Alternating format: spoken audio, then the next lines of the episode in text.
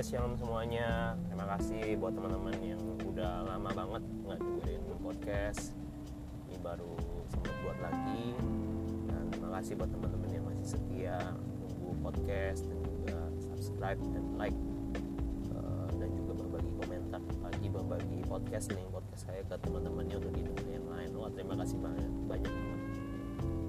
So anyway hari ini saya membagikan apa yang saya bagikan pada yang terambil dari uh, Injil Lukas pasal yang keempat ayat 27 di situ dikatakan uh, di zaman Elisa uh, banyak sekali orang yang kena penyakit kusta tetapi tidak ada seorang pun dari mereka yang disembuhkan selain daripada Naaman orang Syria itu.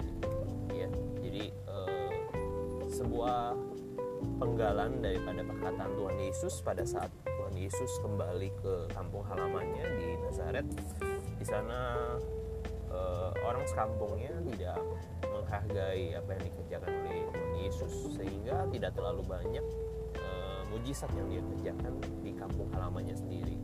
Nah, ketidakpercayaan daripada uh, orang sekampungnya ini uh, yang mendorong Yesus berkata seperti itu gitu ya. Salah satunya tentang kisah Elisa di mana pada zamannya Elisa juga sama gitu pada zaman Elisa mungkin ratusan tahun uh, pada saat itu sebelum Tuhan Yesus hadir Elisa pun ditolak.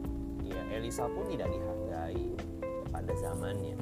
Sehingga yang terjadi adalah tidak ada mujizat bagi orang Israel pada saat itu. Justru yang mendapatkan mujizat adalah bukan daripada uh, orang yang bukan daripada bangsa Israel yaitu orang Syria kalau kita lihat orang Syria itu adalah orang yang di uh, letak Syria itu di di sebelah selatan Turki ya.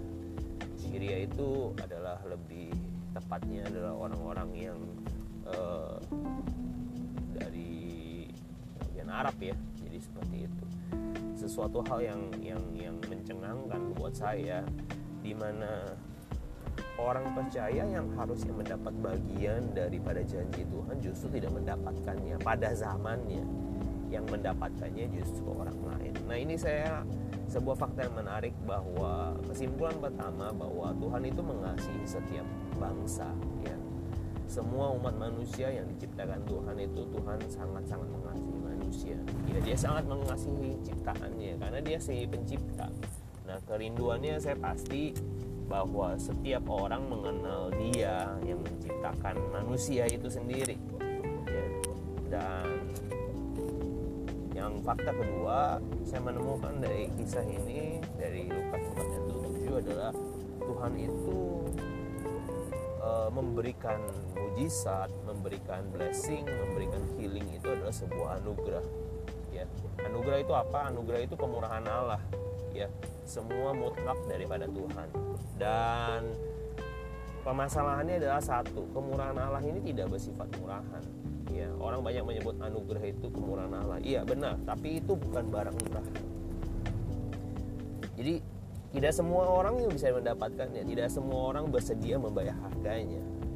Cuma Naaman doang yang memperolehnya. Jadi saya pikir ini adalah sebuah anugerah dan yang kedua juga pasti ada langkah-langkah atau ada tindakan yang dilakukan Naaman sehingga dia menjadi orang yang berbeda menerima anugerah ya. Naaman adalah orang yang bersedia membayar harganya bersedia untuk melewati prosesnya sehingga dia memperoleh mujizat itu ya dan mari kita sama-sama melihat di dalam dua raja-raja pasalnya yang kelima ayat 1 sampai 15. Kalau saudara melihat dan membaca full satu perikop itu saudara akan mendapatkan sebuah gambaran dan sebuah cerita kenapa Naaman memperoleh mujizat. Dan saya membagikan tiga hal yang Naaman lakukan, tiga hal yang membuat dia bisa mengalami mujizat dan namanya tercatat di dalam sejarah. Salah satu mujizat yang dikerjakan oleh Elisa dan salah satu yang dicatat dan dikutip oleh Tuhan Yesus sendiri ya dan diperkatakan Tuhan Yesus di Injil ya. Kunci yang pertama saudara-saudara kita lihat kunci mengalami mujizat seperti apa yang di, dialami. Naaman yang pertama adalah iman. Sama-sama katakan iman.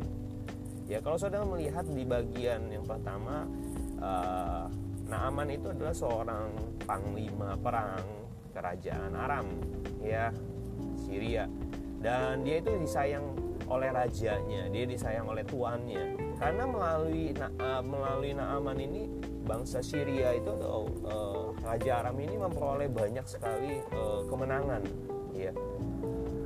Tetapi yang menjadi persoalan adalah Naaman ini sakit kusta itu aja yang yang yang yang, yang menjadi kekurangannya. Dia punya kedudukan dia punya kehormatan dia punya harta dia punya keluarga ya tetapi dia sakit kusta ya. Ada sesuatu hal yang kurang di dalam kehidupannya. Nah menariknya adalah dia punya seorang gadis kecil, seorang gadis uh, yang diambil dari bangsa Israel ketika Israel kalah perang kemudian ada tawanannya salah satunya gadis ini dan gadis ini dipekerjakan sebagai pelayan di rumah Naaman melayani istri daripada Naaman. Nah kalau saudara melihat gadis ini memperhatikan Naaman yang sakit kusta ya. Dan gadis ini memberitahukan kepada nyonyanya pada uh, ya kepada istri Naaman dikatakan bahwa seandainya ya tuanku itu menghadap seorang nabi ya di Samaria maka pastilah dia akan disembuhkan dari sakit kustanya ya gadis ini memperkatakan kebenaran. Gadis ini memperkatakan firman. Gadis ini memperkatakan janji Tuhan.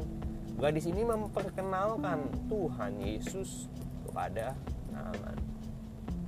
Dia mengatakan bahwa masih ada pengharapan. Di saat di dunia ini tidak ada lagi harapan. Ada satu pribadi yang masih bisa memberikan harapan yaitu siapa? Yaitu Tuhan Yesus Kristus. Ya. Elisa itu adalah gambaran Kristus. Ya. Elisa arti God is my savior. Allah adalah keselamatan. Ya ini adalah sebuah gambaran. Ya gambaran Tuhan Yesus. Dia memperkenalkan Yesus kepada Naaman. Dia memperkenalkan Tuhan Yesus sebagai Tuhan dan Juru Selamat di dalam kehidupan Naaman dan Naaman ketika mendengar itu yang tadinya tidak punya pengharapan karena dia sudah mencoba berbagai upaya. Saya percaya dia orang kaya, dia orang dihormati, dia orang disegani, dia orang disayang sama rajanya. Apa saja yang dia minta pasti saya percaya raja pasti berkenan. Raja pasti memberikan segala sesuatunya untuk menolong. Ya saya percaya Naaman itu pasti sudah berobat ya di mana-mana. Mungkin di kerajaan Syria itu mungkin semua tabib, semua rumah sakit, semua yang terkenal dia sudah pergi ke sana sini. Tapi nggak sembuh. Ya masalahnya nggak sembuh. Ya orang kalau udah lama berobat sana sini, habisin duit banyak segala macam, nggak ada hasilnya. Orang pasti putus harapan, orang pasti kecewa, orang pasti patah arang, saudara-saudara. Ya, mungkin dia udah frustrasi, dia udah stres, tetapi ketika dia mendengar perkataan gadis ini melalui istrinya, masih ada harapan. Seandainya engkau menghadap Nabi di Samaria itu, maka pastilah engkau sembuh. Wah, Naaman punya pengharapan kembali. Kemudian dia punya iman tumbuh, ya. Iman itu timbul daripada pendengaran pendengaran akan firman Tuhan, ya. Jadi gadis ini dipakai Tuhan dengan luar biasa, memperkatakan firman, memperkatakan janji Tuhan kepada keluarga Naaman wow. Seketika itu tunas iman mulai tumbuh di dalam uh, hidup Nama di ayat 4 bahkan dia berkata di ayat kelima dia berkatakan kepada rajanya. Dia berkata-kata demikianlah apa yang dibicarakan oleh gadis kecil ini. Aku harus ngadep seorang nabi di Samaria. Dan dikatakan di sana aku pasti sembuh. Dia ngomong sama rajanya. Artinya dia percaya saudara-saudara. Dia berkata kepada rajanya. Dia berkata kepada tuannya. Dia minta izin dan ayat yang kelima dikatakan rajanya memberikan izin bahkan menitipkan persembahan.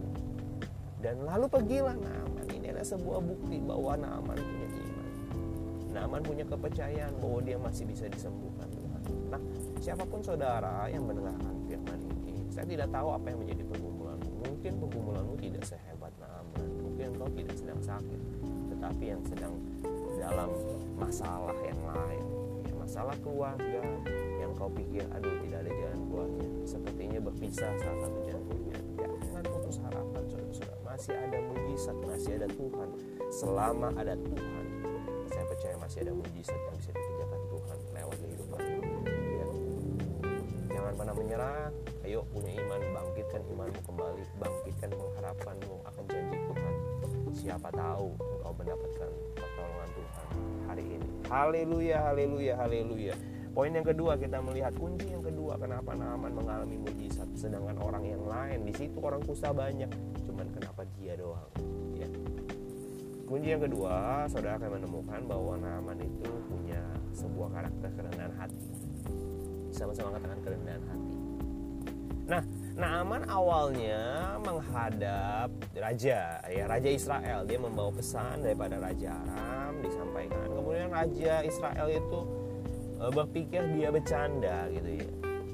Sampai di ayat yang ketujuh saudara bisa membaca bahwa raja itu mengoyakkan bajunya dan berkata Allahkah aku ini yang bisa menghidupkan dan mematikan?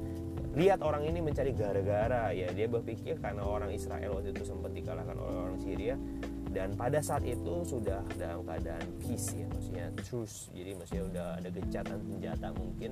Nah ketika Raja Israel menerima surat atau pesan daripada Raja Aram supaya penyakit kustanya si Naaman itu disembuhkan Raja Israel berpikir ini adalah salah satu upaya bangsa Syria ya atau Raja Aram ini untuk mencari gara-gara ya untuk mencari e, cara untuk berperang gitu ya sehingga dia mengoyakkan jubahnya.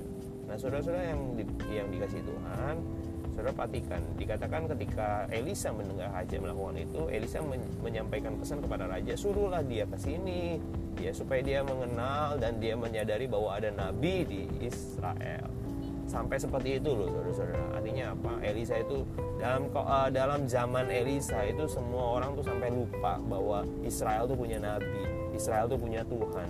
Nah, jangan sampai saudara juga lupa bahwa masih ada Tuhan, masih ada pertolongan Tuhan, masih ada mujizat Tuhan yang terjadi, yang masih masih berlaku tuh, ya. Tuhan melakukan mujizat memang dulu 2000 tahun yang lalu, ribuan tahun yang lalu Tuhan melakukan mujizat. Tapi hari ini saya mau kasih tahu saudara, hari ini pun dia masih melakukan mujizat. Besok pun dia masih ada mujizat buat saudara. Jadi jangan pernah berkata mujizat itu dulu. Ya, sekarang pun ada mujizat. Selama ada Tuhan Yesus, selama ada Tuhan di dalam kehidupanmu dan di kehidupanku, maka kita percaya kita adalah orang-orang yang akan melihat dan mengalami mujizat setiap harinya. Haleluya. Nah, Ketika Naaman e, mendengar itu, kemudian Naaman singkat cerita di ayat yang ke-9 dia sampai ke rumah depan rumah Nabi Elisa bersama dengan keretanya, bersama dengan tentaranya, semua pasukannya dibawa ke rumah Elisa. Dan singkat cerita di sana di ayat yang ke-10 saudara melihat bahwa Elisa tidak menemui Naaman, bahkan dia hanya menyuruh pesuruhnya, pelayannya menyampaikan ya menyampaikan pesan kepada Naaman ya. Engkau harus mandi membasuh dirimu tujuh kali di sungai Yordan perhatikan saudara-saudara di ayat yang selanjutnya ayat 10 dan ayat 11 ya. Lalu Naaman menjadi gusar Naaman menjadi marah ya. Karena kenapa? Awalnya dia berpikir dia adalah orang terpandang saudara-saudara. Dia adalah orang nomor dua ya, di kerajaan Syria. Dia adalah orang kesayangan Raja Aram saudara perhatikan orang yang punya jabatan orang punya kedudukan orang yang punya punya kekuasaan diperlakukan itu tidak semestinya orang itu pasti tersinggung ya. Biasanya orang tuh punya harga diri gengsi sombong gitu ya. Saya biasa dihargai saya biasa ditemuin tamu. Biasanya mestinya seharusnya pikirannya pasti Elisa itu menyambut dia sebagai tamu yang agung sebagai utusan. Ya nawarin atau suguhin kopi atau teh diajak makan ya disuguhin kue atau snack cookies gitu ya. Harusnya kan seperti itu kalau kita menerima tamu yang besar gitu ya. Apalagi misalnya menteri ya sekelas pembantunya presiden ya pasti kan saudara pasti melakukan itu ya. Pasti minimal gitu ya ajak makan atau ajak teh. Tapi ini aneh. Justru Elisa tidak menerima nama. Elisa tidak menemui nama Elisa malah menyuruh pembantunya menyampaikan kau harus mandi basuh dirimu di sungai Yordan tujuh kali. Dua perlakuan nah, yang yang yang tidak disangka-sangka namun berkata aku sangka. Nah ini bahayanya. Jangan punya prasangka buruk ya terhadap seseorang. Jangan punya prasangka buruk terhadap situasi dan kondisi yang kau alami. Jangan menyangka bahwa Tuhan itu yang membuat saudara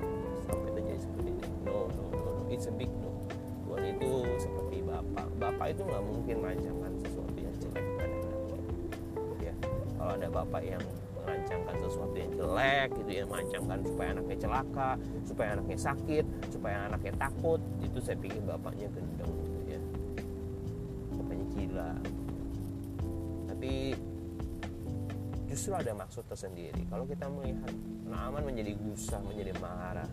Ya kenapa? Karena dia tidak diperlakukan expectationnya itu failed ya. Harapannya tidak sesuai dengan kenyataannya gitu. Jadi dia marah. Kebanyakan dari kita adalah ketika harapan kita tidak sesuai dengan kenyataan kita marah. Kita menyangka caranya begini Tuhan. Caranya begitu.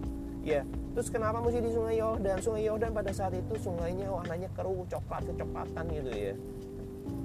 Bahkan Naaman kan pada dan disambung berkata di ayat yang selanjutnya ayat 12 ya, bukannya Papa dan dam, uh, apa sungai-sungai Papa itu di Damsik itu lebih bersih daripada ini.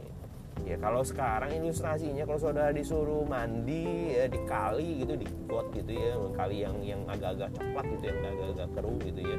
Mungkin di dekat apa situ ya saya nggak lupa. Saya di ya kayak katulampa begitu ya mungkin ya kayak model-model gitu apa ayahnya coklat-coklatan gitu agak lumpur-lumpur gitu saya tanya sama saudara kalau disuruh mandi dan berendam di sana dibandingin sama kolam renang saudara pilih yang mana? Pasti saudara pilih kolam renang kan? Bersih bening jernih ya ada kaporitnya. Waduh bisa nggak ada kuman. Tapi kalau saudara disuruh mandi yang air kecoklatan keruh gitu aduh saudara berpikir apa? Saudara pasti berpikir aduh geli banget gitu ya. Ini nggak salah nih tapi saya mau kasih tahu saudara-saudara bukan masalah kalinya bukan masalah keruhnya sungai Yordan bukannya yang lebih baik gimana. Tuhan sedang mengajarkan kepada Naaman tentang sebuah karakter sebuah sikap. Ya di dalam kita menantikan janji Tuhan kita perlu sikap yang benar. Ya menantikan janji Tuhan itu bukan hanya dengan iman tapi perlu diwujudkan dimanifestasikan dengan sikap yang benar sikap yang benar salah satunya yang dikehendaki Tuhan adalah rendah hati. Akhirnya Naaman belajar untuk rendah hati, untuk mendengarkan pelayan Elisa. Naaman akhirnya mendengarkan apa kata karyawannya, stafnya, prajuritnya. Ya prajuritnya berkata di ayat yang ke-14 gitu ya dia bilang kalau nabi itu berkata sesuatu hal yang suka apakah tuanku juga tidak akan melakukannya? Pasti tuanku lakukan. Apalagi ini hal yang mudah gitu ya. Kenapa tuanku nggak melakukannya? Akhirnya dengan kerendahan hatilah saya percaya Naaman melakukannya.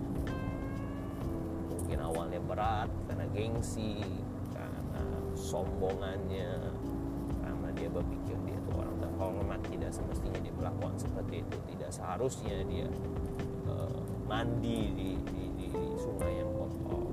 Mungkin pikirannya seperti itu. Tetapi mari kita belajar bahwa Tuhan kadang-kadang memproses kita untuk memiliki karakter kerendahan. Hati kadang-kadang kita perlu seperti itu. Supaya apa? Supaya kita belajar ya. Belajar delosor gitu ya. Jangan lihatnya ke atas dulu gitu. Coba lihat ke bawah. Dan kunci yang kedua ini adalah kunci kerendahan hati. Itu penting. Kita perlu menjadi keren uh, memiliki karakter ini. Ya. Salah satu pribadi yang punya kerendahan hati adalah Tuhan Yesus sendiri. Ya dia tidak mengatakan segala sesuatunya itu tentang dari dia. Dia bahkan berkata dia mengosongkan dirinya. Dia menganggap segala sesuatu yang dia peroleh itu semua dari Bapa. Dia melakukan segala sesuatu karena dia melihat Bapa melakukan kemuliaannya tidak diambil ya. Semuanya kemuliaan kembali Oke next. Kunci terakhir ya. Setelah uh, yang pertama Naaman memiliki iman. Naaman punya kerendahan hati. Yang ketiga ya ini sebenarnya sambungan dari kerendahan hati yaitu ketaatan. Kunci ketiga adalah ketaatan. Saudara perlu taat kepada firman. Taat itu adalah melakukan sesuai dengan firman tidak ada diskon, tidak ada lebih. Ya. Banyak dari orang kita itu semuanya mengasihi uh, apa mengatakan mengasihi Tuhan tetapi tidak mengasihi firman-Nya. No, it's big no. Firman itu adalah Tuhan sendiri. Dan Tuhan itu tidak mau didiskon, kasihnya tidak mau didiskon. Ya. Jadi saudara perlu perlu perlu belajar bahwa kita perlu mengasihi firman itu 100% melakukannya pun juga harus 100% ya 100% dengan hati 100% dengan perbuatan sesuai dengan firman ya apa yang direfleksikan firman itu adalah itu refleksi Tuhan sendiri ya kalau disuruh mengampuni jangan mengampuni setengah-setengah gitu ya Iya, mengampuni setengah-setengah saudara tahu. Ya mengampuni sih hatinya, uh, mulutnya mengampuni, tetapi hatinya tidak ikhlas, tidak mengampuni. Itu mengampuni setengah-setengah. Mengampuni tetapi masih dendam, mengampuni tapi tidak melupakan. Itu mengampuni setengah-setengah. Ya, Tuhan mengajarkan untuk mengampuni dan mengasihi musuhmu. Itu luar biasa dan saya percaya itu adalah sebuah firman bukan saya yang ngomong bukan pendeta yang ngomong bukan bukan orang bijak yang ngomong itu firman Tuhan sendiri barang siapa yang tidak mengampuni uh, orang lain bapakmu yang di surga juga tidak mengampuni itu firman jadi disuruh mengampuni itu bukan kata pendeta tapi kata firman kata firman nah uh, selanjutnya selain daripada itu bahwa kita melihat bahwa Naaman itu taat dengan kerendahan hati kita bisa taat. Tanpa kerendahan hati kita tidak bisa taat. Dan saudara perlu untuk memiliki karakter kerendahan hati dan ketaatan. Ya. Naaman itu memiliki keduanya. Dan saya kasih tahu kenapa orang-orang sebuah rahasia kenapa orang-orang e, Israel pada saat zaman Elisa tidak mendapatkan mujizat seperti Naaman e, alami. Karena satu, orang-orang Israel pada zaman Elisa itu tidak percaya, tidak percaya bahwa ada mujizat, tidak percaya mereka uh, tidak percaya kepada Elisa. Elisa itu tidak dihargai sama sekali. Ya. Elisa tidak dihargai sama sekali. Kenapa? Saya pikir kalau misalnya ada ada yang menghargai Elisa, pasti banyak orang tuh mencari Elisa. Tapi pada saat itu bahkan raja sendiri melupakan Elisa, melupakan Nabi Elisa. Lucu sekali ya. Jadi sesuatu hal yang miris jadi penting untuk saudara beriman, percaya bahwa Tuhan itu ada, Tuhan itu eksis, Tuhan Yesus itu ada, hadir, dan Dia itu merindukan supaya kita tuh datang kepada Dia. Ya, hal pertama itu iman. Tanpa iman tidak mungkin seseorang berkenan kepada Tuhan. Tanpa dia dipercayai tidak mungkin Tuhan itu bisa bekerja. Ya, tidak bisa maksimal Tuhan bekerja ketika kita tidak ada iman. Dan yang kedua perlu kerendahan hati ya kalau kita tuh sekarang masih jumawa kita masih gengsi gengsi dibesarin saya bilang gengsi yang besar tuh tidak bisa membeli mujizat Naaman yang membawa persembahan yang banyak aja nggak bisa membeli mujizat kok apalagi kita gitu. Kita siapa sih? Ya kita tuh perlu Tuhan. Kita tuh tanpa Tuhan nggak bisa apa-apa. Ya kalau orang kaya kalau misalnya sakit mau sakit mau mau berobat di mana? Jangan tunggu sampai kita tuh udah sampai sekarat sampai udah nggak ada obatnya. Ya udah sampai habis-habisan seperti Naaman gitu. Atau seperti orang yang sakit pendarahan 12 tahun. Sudah habis baru cari Tuhan. Ya ilah cobalah sekarang kita lihat. Kalau kita segala macam segala sesuatunya punya nafas punya kehidupan punya keluarga masih punya segala-galanya masih punya usaha masih punya pekerjaan masih punya teman yang baik yang ingetin kita untuk ke gereja dan lain ayo cari Tuhan ayo kita punya kerendahan hati kita cari Tuhan kita berdoa Tuhan tanpamu aku tidak mampu mari kita mengakui kedaulatan Tuhan. Mari kita mengakui bahwa kita perlu Tuhan lebih lagi dan lebih lagi setiap harinya. Oke jadi yang ketiga Ketika saudara punya kerendahan hati, saudara diproses lewat segala proses kehidupan mengucap syukur. Dan ketika engkau memiliki karakter kerendahan hati, maka saudara saya percaya tanah hatimu menjadi tanah hati yang lembut ya untuk ditaburi firman. Dan ketika engkau ditaburi firman sama seperti saat ini engkau mendengarkan firman maka saya percaya saudara bisa punya ketaatan seperti Naaman Naaman kalau gengsi sombong ya dia tidak akan mandi di sungai Yordan dan tidak akan terjadi mujizat kesembuhan tetapi ketika dia punya kerendahan hati dia mau mendengarkan dari orang-orang yang lebih rendah dari dia secara strata sosial strata kedudukan. Dia disuruh oleh pesuruhnya Elisa yang bukan siapa-siapa mungkin itu cuma pelayan biasa ya. Dia mendengarkan juga dari seorang gadis kecil tawanan cewek lagi masih kecil tahu apa gitu mestinya gitu. Tapi dia mendengarkan dia punya kerendahan hati yang luar biasa. Dia juga mendengarkan apa kata prajurit? Tiga hal yang membuktikan bahwa Naaman itu belajar tentang kerendahan hati untuk mendengarkan orang di bawahnya orang di bawah strata sosialnya. Maka saudara saya kasih tahu saudara saudara jangan perlu marah kalau saudara ditegur sama anak saudara. Ya kalau anak saudara menegur saudara tentang sebuah kebenaran yang berasal dari bersumber daripada firman maka saudara harus dengerin. Ya kadang-kadang kita orang tua itu kan suka sombong gitu ya anak-anak kecil atau apa gitu ya. Nah saya kasih tahu saudara Tuhan tuh bisa pakai anak kecil Tuhan bisa pakai anak Tuhan bisa pakai suruhmu Tuhan bisa pakai pelayanmu Tuhan bisa pakai stafmu Tuhan bisa pakai karyawanmu Tuhan bisa pakai siapa aja di sekelilingmu yang mungkin secara strata sosial secara kedudukan secara uh, posisi dia lebih rendah daripadamu. Tapi dengarkan dia kalau itu sumbernya daripada Tuhan saya mau kasih tahu. Jangan pernah lewatkan bagian yang terbaik daripada Tuhan. Tuhan mungkin sedang mau berbicara kepada kita. Ketika Naaman merendahkan melakukan firman sesuai dengan apa kata dia ya ayat 14 bahkan dicatat sesuai dengan apa kata dia. Artinya dia mulai pergi ke sungai Yordan yang kecoklatan itu dia melihat sungai Yordan dia melepaskan pakaiannya kemudian dia mulai berendam di sungai Yordan melakukan apa yang dikatakan oleh abdi Allah itu. Tujuh kali dia berendam saudara-saudara. Saudara bisa bayangkan kotor coklat tapi dia taat. Ya dia percaya dia punya iman dia merendahkan hatinya untuk taat. Dan hasilnya saudara-saudara yang mengalami mujizat. Di ayat yang ke-15 bahkan dia mengakui bahwa Tuhan Allah Israel adalah benar-benar satu-satunya Tuhan di dalam kadang mujizat dipakai Tuhan untuk membuka dan mencerikan mata rohanimu untuk melihat siapa itu Tuhan. Dari tempat ini saya berdoa supaya saudara-saudara semua yang mendengarkan podcast saya bisa terinspirasi bisa memegang tiga kunci mengalami mujizat seperti apa yang dikerjakan Naaman ya apa yang dilakukan Naaman sehingga dia mendapatkan dan mengalami mujizat kesembuhan. Dan saya tahu saudara pasti membutuhkan sesuatu. Dan doa saya apa pun yang menjadi pergumulanmu hari-hari ini baik saudara yang merindukan miracles mujizat saudara yang merindukan blessings berkat daripada Tuhan dan saudara juga mungkin ada yang menantikan healing ya hidup yang dipulihkan hidup yang sehat. Maka saya berdoa siapa pun engkau punya iman kerendahan hati dan taat kepada firman maka saudara akan mengalami janji Tuhan mengalami apa yang dijanjikan Tuhan di dalam kehidupan. Ya janjinya tidak pernah gagal. Firmannya itu pasti tergenapi. Asal engkau taat asal engkau punya kerendahan hati asal engkau punya iman percaya pada dia Tuhan Yesus memberkati kita semua. Shalom